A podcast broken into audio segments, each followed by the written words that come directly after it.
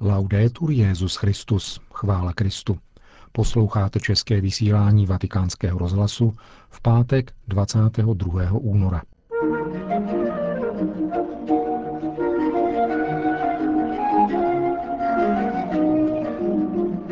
Svatý stolec navázal diplomatické vztahy s Jižním Sudánem. Moskevský patriarchát pozitivně oceňuje pontifikát Benedikta XVI. A homílie ke druhé neděli postní. To jsou hlavní témata našeho dnešního pořadu. Hezký poslech.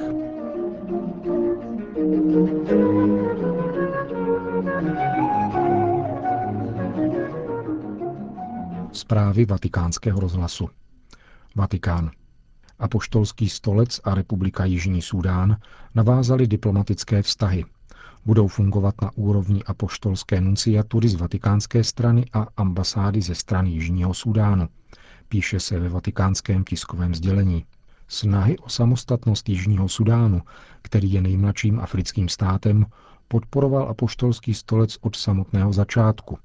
Když bylo před půl druhým rokem vyhlášeno rozdělení Sudánu na dva státy, byla na slavnostním ceremoniálu v Džubě přítomna také delegace svatého stolce na čele s kardinálem Johnem Newem, arcibiskupem Nairobi.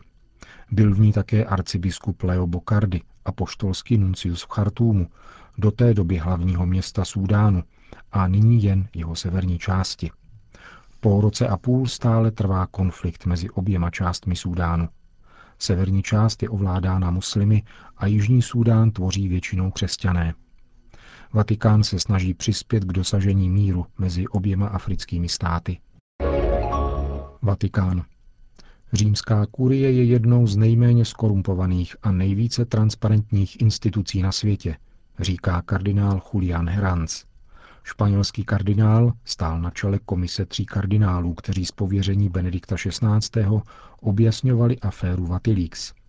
V rozhovoru pro deník El País tak popřel hlasy, které tvrdí, že abdikace papeže by mohla mít spojení s intrikami v římské kůrii. Francouzský kardinál Jean-Louis Torán, předseda Papežské rady pro mezináboženský dialog, se v rozhovoru pro vatikánský rozhlas podělil se svou reflexí papežova rozhodnutí odstoupit. Upozornil, že často nedocenujeme přínos Benedikta XVI. K upřesnění zásad dialogu s jinými náboženstvími, zejména s islámem.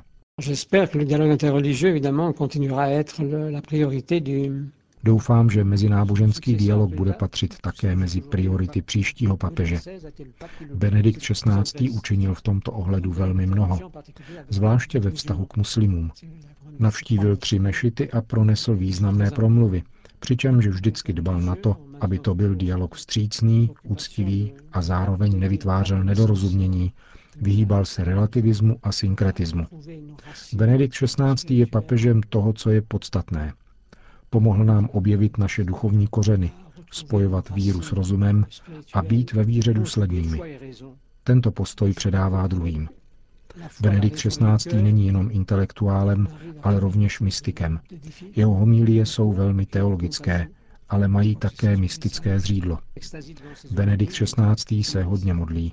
Nevystavuje to na odiv, ale opravdu se hodně modlí. Říká kardinál Torán. Sýrie. 800 tisíc uprchlíků v minulém roce a už 300 tisíc v letošním – Takový je odhad Organizace spojených národů v zemích, které přijali utečence. Libanon, Jordánsko, Irák, Turecko a Egypt. Dramatičnost těmto číslům dodává fakt, že 80% z nich tvoří děti a ženy.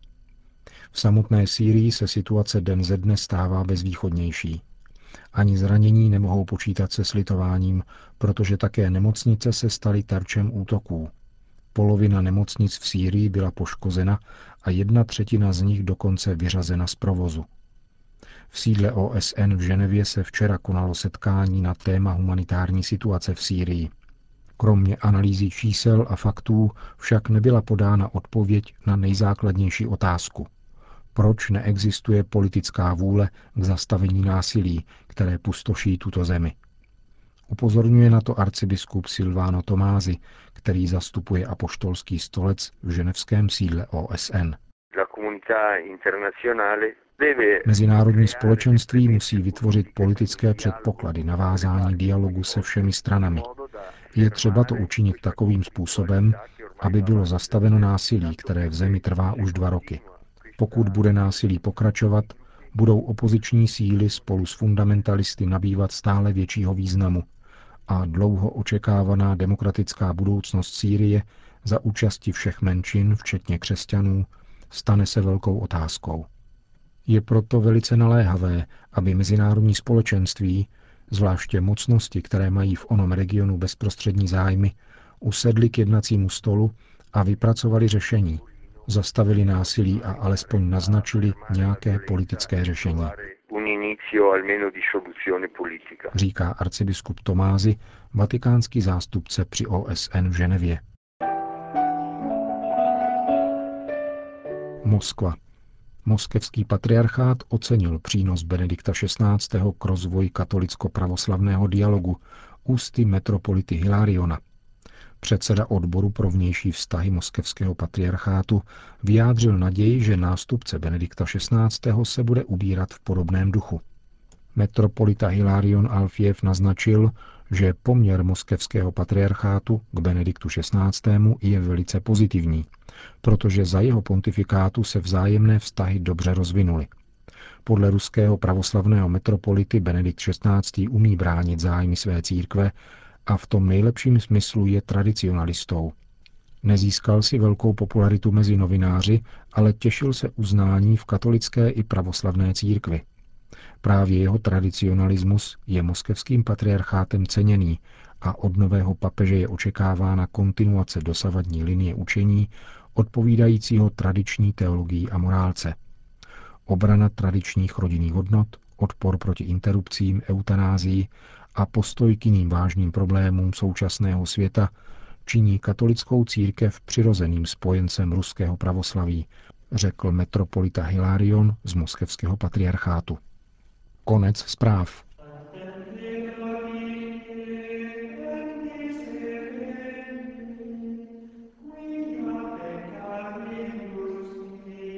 Následuje homílie na druhou neděli postní.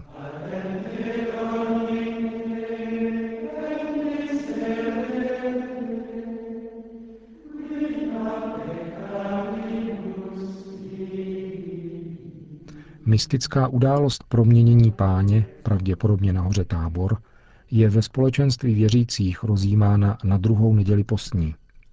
Letos v podání svatého Lukáše, který jediný z evangelistů uvádí, o čem tam za němého úžasu Petra, Jakuba a Jana mluvili Mojžíš s Eliášem. Mluvili o smrti, kterou měl Ježíš podstoupit v Jeruzalémě, jak stojí v českém liturgickém překladu. V řeckém textu je užit poněkud zastřenější, ale i obsažnější termín odchod či doslova exodus. Tato podrobnost Lukášova podání je pozoruhodná nejenom z historicko-kritického hlediska výkladu písma. Tři učedníci, které si vybral Ježíš, aby se stali svědky této události, jsou po vytržení ze svého světa naplněni bázní. Se svrchovanou přesvědčivostí byli totiž konfrontováni nejen s podstatou Ježíšovy osoby a tedy jeho božské autority, ale především s konkrétním pozemským průběhem jeho mesiářského poslání, značně odlišného od toho, které si představovali a o kterém snili. Možná i proto je přemohl spánek v okamžiku, kdy slyšeli mluvit o exodu, jak poznamenává Lukáš. Nerozuměli totiž nebo rozumět nechtěli. Tak tomu ostatně bylo po celou dobu jejich putování s Ježíšem. Od povolání u Genezareckého jezera až po bolestné chvíle na Golgotě, totiž učedníci tuto nepříjemnou pravdu nebrali na vědomí, ani po tomto jejím extatickém sdělení. Přesvědčila je teprve pozdější exegeze, kterou podal z mrtvých vstalý Ježíš dvěma z nich cestou do Emaus. Kristovi učedníci mají podobný problém stále, byť na jiné úrovni. A také jinak formulují svoje zdráhání přijmout tuto pravdu, to znamená uvěřit v ní. Nedostatek optimismu či naděje je nejčastěji skloňovanou námitkou křesťanů, kteří nechtějí slyšet Ježíšovo proroctví o globálním a dějiném vyústění jeho mesiářského poslání. Například předpovědi o velikém soužení, jaké nebylo od začátku světa a jaké už nikdy nebude, o pronásledování pro Ježíšovo jméno a zkoušce víry, které dolehnou na církev na konci časů. Neochota připustit si vážnost těchto předpovědí, které věřící potřebují, aby mohli bdít, jak podotýká Ježíš v Markově evangeliu, má velice promyšlený výraz v interpretaci, která vylučuje možnost jejich splnění tím, že převádí křesťanskou naději na politické mesiářství za pomoci falešného odkazu na účinnost Ježíšova zmrtvých vstání. Katechismus nazývá tento svod antikristovským podvodem a označuje jej za největší náboženský podvod, který přináší lidem zdánlivé řešení jejich problémů za cenu odpadnutí od pravdy. Není jistě snadné žít s vyhlídkou na konečné stroskotání lidských snah vybudovat nebeské království v tomto světě, tedy politicky.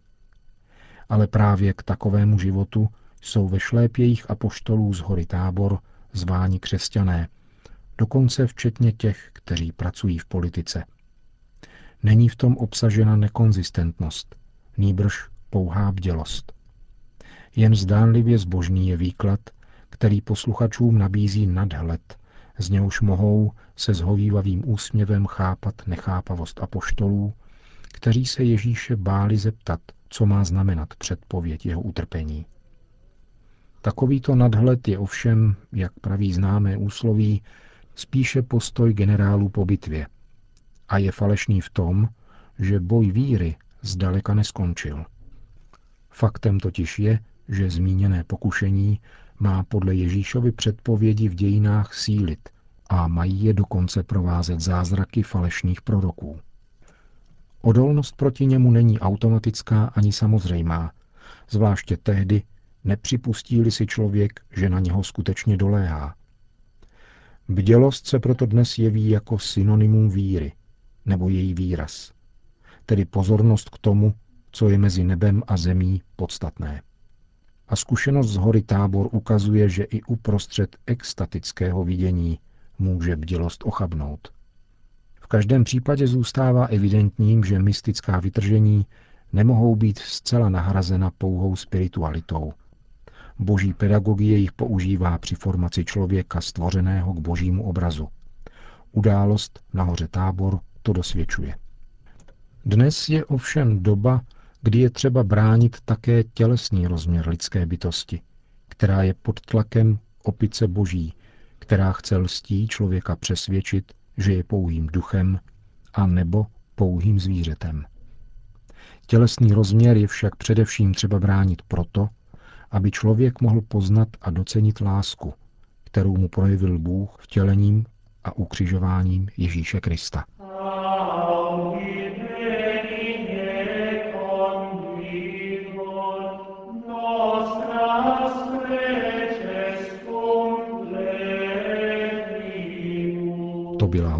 Ke druhé neděli postní.